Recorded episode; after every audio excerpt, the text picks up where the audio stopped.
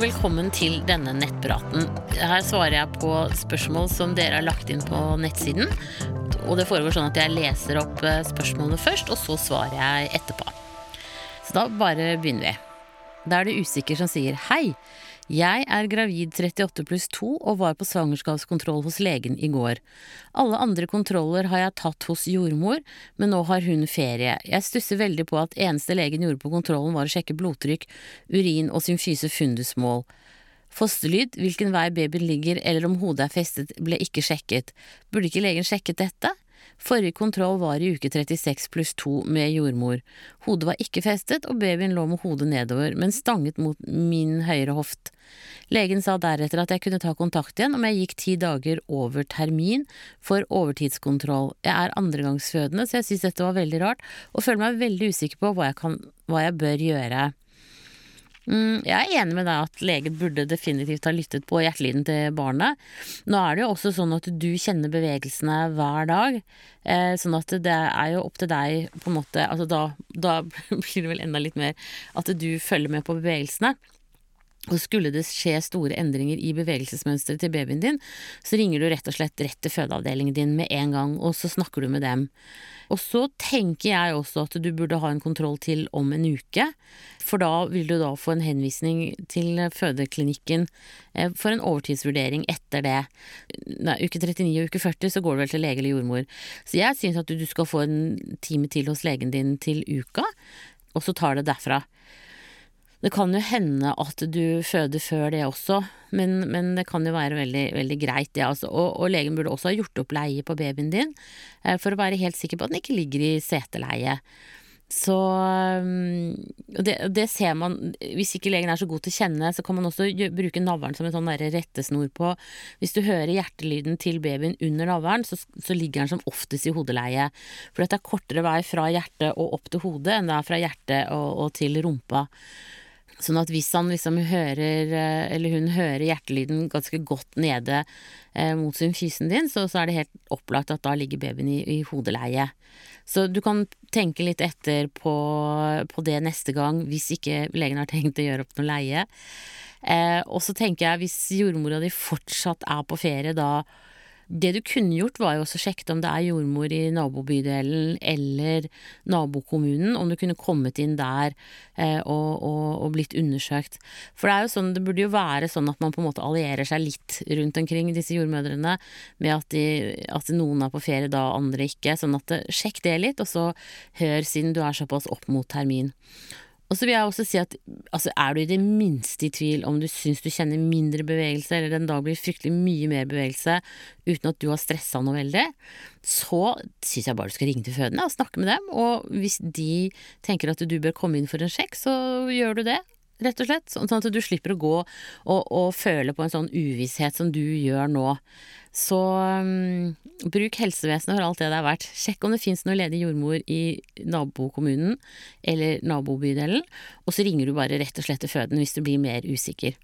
Men så kan vi krysse fingrene og håpe at du føder riktig snart, sånn at du slipper alt dette her. Men jeg tenker at det ligger jo innafor normalen, i hvert fall. Da ønsker jeg deg riktig lykke til videre, og tusen takk for at du bruker alt for mamma. Og så er det Sara som sier Hei, Siri, jeg har nylig tatt ut p-staven min, tre uker siden. Dagen etter jeg tok den ut fikk jeg veldig menssmerter, tok Paracet, og det kom ikke tilbake.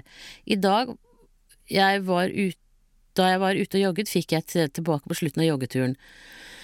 Det ble verre da jeg stoppet og varer utover kvelden. Jeg har ikke hatt mensen ennå etter at jeg tok ut staven. Har du en forklaring på hva dette kan være? Kanskje kroppen som prøver å komme i gang etter prevensjon?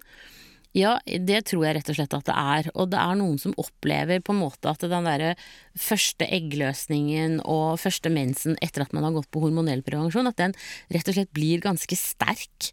Eh, så jeg tenker at eh, her er det bare å knaske litt Paracet når, det blir som vondest. Eventuelt så kan du også legge en varmepute på over um, symfysen, sånn at du på en måte varmer opp litt også, sånn at det blir mer sånn muskelavslappende. Um, det tenker jeg er det, er det, lureste nå. For det er som du sier at det er en sånn Det er en start med, med kroppen nå etter at man slutter på prevensjon.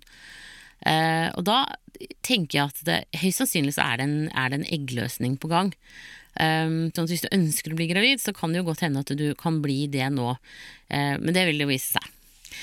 Men jeg tenker at dette ligger innafor normalen. Skulle det bli liksom vedvarende og mye vondere, så tar du selvfølgelig kontakt med fastlegen din og får en sjekk. Da ønsker jeg deg riktig lykke til videre, og håper du snart blir gravid, hvis det er det du tenker. Og hvis du skal bli gravid, så må du forresten huske å ta gravide vitaminer med forlat og jod. Da må du ha en strålende dag. Ha det bra. Og så er det første barn som sier hei, jeg vet ikke hvor relevant dette er. Bare kom jeg på at jeg må skru av lyden på telefonen. Eh, men jeg er gravid for tredje gang, har tidligere hatt en MA og en SA, og er nå for første gang kommet til et, til et nesten fullført svangerskap. Jeg er nå i slutten av uke 35, har hatt et veldig greit svangerskap hittil, uten komplikasjoner, og jeg har klart å fullføre både studier og jobb. Permisjonen skjer nå om to uker. Fikk vite rundt uke 32 cirka at lillegutt hadde festet seg. Det som skjer nå for tiden er selvfølgelig mye bevegelser, men det er uregelmessige mensensmerter som kommer eh, innom To av de har vært så vonde at jeg har måttet puste rolig inn og ut, men så har det gitt seg. Ellers har jeg murringer i korsrygg, samtidig som jeg er veldig sliten der. Det hender også at jeg får en følelse av at noe holder på å presse seg ut av underlivet, hvis du skjønner.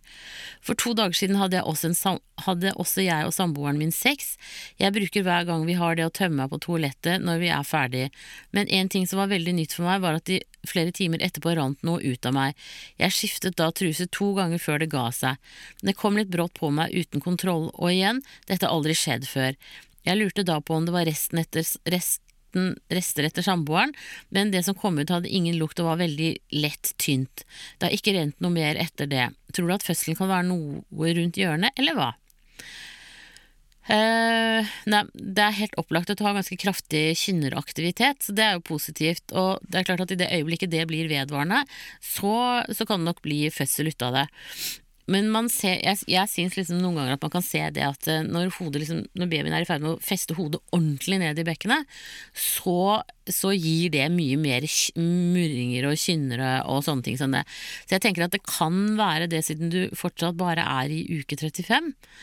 Uh, eh, men det kan selvfølgelig også være at du lager deg til for fødsel. Så hvis du skulle bli veldig i tvil, så ringer du selvfølgelig til fødeavdelingen uansett tid på døgnet. Og nå er det jo også sånn at uh, sex kan jo gi enda sterkere sammentrekninger, men som regel så gir jo det seg. Og så tenker jeg at uh, den tynne, lette utfloden som du hadde når du, når du, har sex, så lager man jo enda mer sekret i skjeden for at det skal være uh, Ikke bli så Hva heter det? Trått. Eh, så jeg tipper at det er egentlig det, og, og, i graviditeten så bygger du opp mange lommer inni skjeden fordi at den skal kunne utvide seg for å slippe ut babyen. I de lommene så samler det seg lettere væske, eh, sånn at det kan på en måte tømme seg litt mer sånn porsjonsvis. Så jeg tenker at dette her høres helt, eh, helt normalt ut. Uh, og det at det ikke lukter noe sånn av det, så tenker jeg liksom, da er det ikke Det er ikke i hvert fall mye sæd i det. Det kan være litt, selvfølgelig, men ikke noe mye. Det har ingenting ingen praktisk eh, betydning. Um, men det er som du sier, at alle sånne ting er jo litt sånn spesielle. Man blir litt sånn oi, hva skjer nå? Uh, men, men, dette her høres absolutt uh, helt normalt ut, og veldig hyggelig at du har kommet så langt, da. siden du har hatt en SA og en MA tidligere. Så jeg tenker eh, kanskje greit å pakke fødebagen med litt stæsj til uh, utstyr til deg, og, og kanskje en ren T-skjorte og noe greier til han også. eh, kan være veldig greit. Det lærte jeg av hun komikerfrue her for noen år siden. Eh, det er kjempehyggelig at det er med litt til begge to. Og gjerne litt sånn energibarer til dere begge, og energidrikk og sånn kan være en veldig god investering, altså. Man vet aldri helt med disse sykehusene hva de har å by på til alle døgnets sider, og det er ofte at pappaen ikke får noe mat der, så, så jeg tenker at det, det, er lurt å ha med noe som holder seg litt, litt kjeks og litt sånn forskjellig. Gjerne noe salt, sånn at man ikke blir helt dehydrert i løpet av fødselen. Men da ønsker jeg deg riktig lykke til videre, og så blir det spennende da å se Det kan jo være greit for babyens del at du går et par uker til, eh, men skulle du finne på å føde nå, så er ikke det noe katastrofe, altså babyen tåler det helt fint. Da ønsker jeg deg riktig lykke til videre, og tusen takk for at du bruker Alt for mamma. Ha det bra! Og så er det Camilla V som sier hei sann. Jeg er 31 år og fjerdegangsfødende og har et spørsmål til deg. Jeg har jo lest de nye retningslinjene om glukosebelastning, og min jordmor mente jeg måtte ta denne. Når jeg leser kriteriene, ser jeg at min mann Nei, min jordmors begrunnelse med at jeg er over 25 år ikke nødvendigvis er nok, men at det gjelder førstegangsfødende som er over 25 år. Mulig jeg tolker det feil, men på samt samtlige helseinformative sider står jo kriteriet nummer én som førstegangsfødende og over 25 år, og ikke alene som over 25 år. Kanskje du kan fortelle meg hva som er rett, jeg har selvsagt aldri hatt svangerskapsdiabetes før, og ingen i familien har diabetes. Takk for svar, Camilla. Uh, ja, der har jeg faktisk lagt ut en podkast på Soundcloud og, og, iTunes med han eh, legen eh, Torbjørn Broch Steen, fra Ullevål sykehus som snakker litt om dette med svangerskapsdiabetes og hvorfor det er lurt å sjekke seg. Eh, eh, og det handler litt om at jeg, er helt enig med deg at du er ikke i faresonen sånn sett, men, men, det kan gi en indikasjon på andre ting hvis man skulle være litt sånn i, i vippenivå. Eh, så Derfor så tenker jeg at det er ikke det, er ikke det dummeste å, å, ta den prøven. Du kan jo høre om du kan få tatt der, det langtidsblodsukkeret heller, som er en blodprøve hos fastlegen din, enn at du går til en full glukosebelastning, siden risikofaktorene er så få med deg. Um, så det, det, tenker jeg liksom at du kan spørre om det. Men det er inne på Helserektoratet sine sider om svangerskapskontroll. Der ligger, det er sikkert der du har vært også, så ligger det full oversikt over dette her med glukosebelastning og sånn. Men, men det som har kommet i den senere tid, er jo det langtidsblodsukkeret som kanskje nesten er viktigere enn akkurat den glukosebelastningen der og da. Som en glukosebelastning viser hvordan du håndterer et sukkernivå i kroppen, mens langtidsblodsukkeret sier noe mer om hvordan du øh, håndterer blod, sukkeret over, over, tid, over flere uker. Så hør på den podkasten med Torbjørn Broksten, og og så kan du gå og snakke med jordmora di om kanskje det er mulig å heller ta en blodprøve, bare for å se, og særlig hvis du ikke har slått ut på, på urinstiks på glukose der heller. Um, men jeg kan dessverre ikke gi deg noe sånn der, helt sånn fullgodt uh, svar. Jeg vet jeg har tatt sånn glukosebelastning selv. Det er slitsomt, men, men uh, må huske på at det er for en, på en måte en god sak. Da. Det er for deg og babyen din. Da ønsker jeg deg riktig lykke til videre, og så uh, kom gjerne tilbake. Jeg hører gjerne om hvordan dette her går med den samtalen med jordmora og sånn. Om du slipper unna med langtidsblodsukker isteden. Ha det riktig bra. Jeg er jordmor Siri von Krogh, og du finner meg på nettsiden min altformamma.no. Jeg er på Facebook både med jordmor Siri for de som er gravide og venter barn, og så med Alt for mamma for de som har født og har små barn i huset. Og så er Alt for mamma på YouTube, og på Instagram så er det hashtag altformamma. Send meg gjerne en e-post om temaer på podkast at jordmorsiri.no, og har du en historie å dele eller et hjertesukk, så kan du lese det inn på telefonen din, og så kan du sende det til meg på mail. Og da kan vi bruke det i podkasten, og da må du også si fra om du vil være anonym eller ikke. Og da er det Dame27 som sier Hei, Siri, her er et type spørsmål jeg antar du hører mye, men jeg må liksom stille det likevel.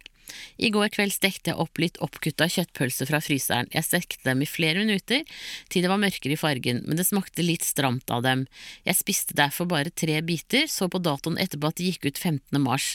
De hadde ligget i frysen hele tiden, så jeg tenkte rett og slett ikke på dato.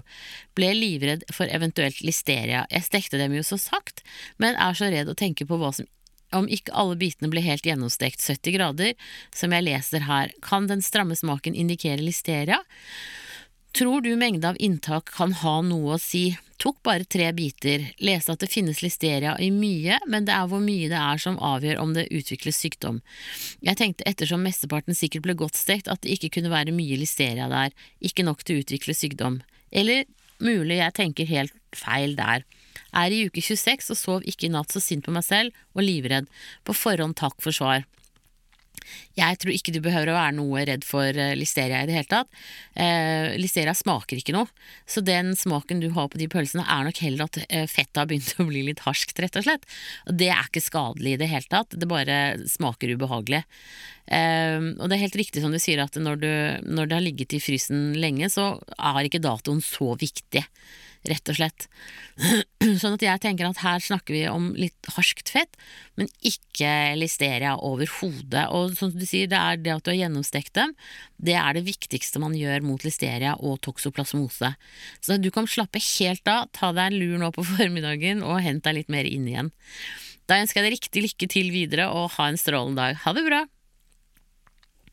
Og så er det Sopp som eh, sier brukte kanesten stikkpille i går, 500 milligram, eller hva den heter, formet som en dråpe, så hadde sånn film på seg, så den gled lettere inn, kom ut masse lukt og utflod i morges. Har dusjet meg nedentil og stappet oppi en laktal balanse melkesyretablett nå. Ønsker ikke at trusene mine skal lukte så vondt som de har gjort til nå etter bare syv timers arbeidsdag. Kan jeg lukte det, kan garantert andre men ser det ikke er farlig å bruke disse laktal melkesyretabletter. Men kan jeg fullføre en kur på syv dager? Det kan du absolutt gjøre, altså. Eh, helt, helt, greit å gjøre det. Og kanesten stikkpiller tar jo som regel eh, får dempet det som er av litt sånn overblomstring med sopp. Så noe av det viktigste du gjør, eller det er liksom vanskelig nå da, når du bruker stikkpiller og sånn, men det er jo ikke bruke eh, truseinnlegg. For at de har plastikk i seg, og de holder på en måte fuktigheten på plass i mye større grad. Eh, og jeg er ikke helt sikker på at om, selv om du kan lukte eh, at um, Om du kan lukte utfloden din, at andre kan det. Eh, det vet jeg ikke riktig. Um, men, men, det er klart at det er liksom ubehagelig å gå og lure på sånne ting hele tiden. Uh, jeg ser den. Uh, men, men, ta den kuren på syv dager, og så kan du se om det kan hjelpe. Og så kan du jo, når du på en måte, hvis det begynner å lukte litt kraftig igjen, så tar du også uh, tar du kanskje én pille eller to sånne laktal, uh, også bare for å liksom rette det litt opp igjen med balansen. Og så kan det også være greit å spise og drikke Biola og kefir og sånne ting, som har pre- og probiotika i seg, for de kan være med på å normalisere floraen din også, også faktisk i skjeden, ikke bare i tarmen. Men da ønsker jeg deg riktig lykke til videre, og så satser vi på at den ildlukten, den som du syns er litt plagsom Det er ganske normalt at det er lukt fra skjeden som varierer litt når man er gravid, men da satser vi på at det går bra med den, at den blir litt bedre for deg. Ha en strålende dag, ha det bra. Og så er det Hei som sier Har en svangerskapskontroll i dag, uke 23 hos fastlegen. Kan man ta opp med fastlegen man vurderer eventuelt keisersnitt pga. stor revning med fire timers skying og lapping? Orker ikke å gå til jordmor og legge frem forslaget mitt, da hun er veldig gammeldags jordmor.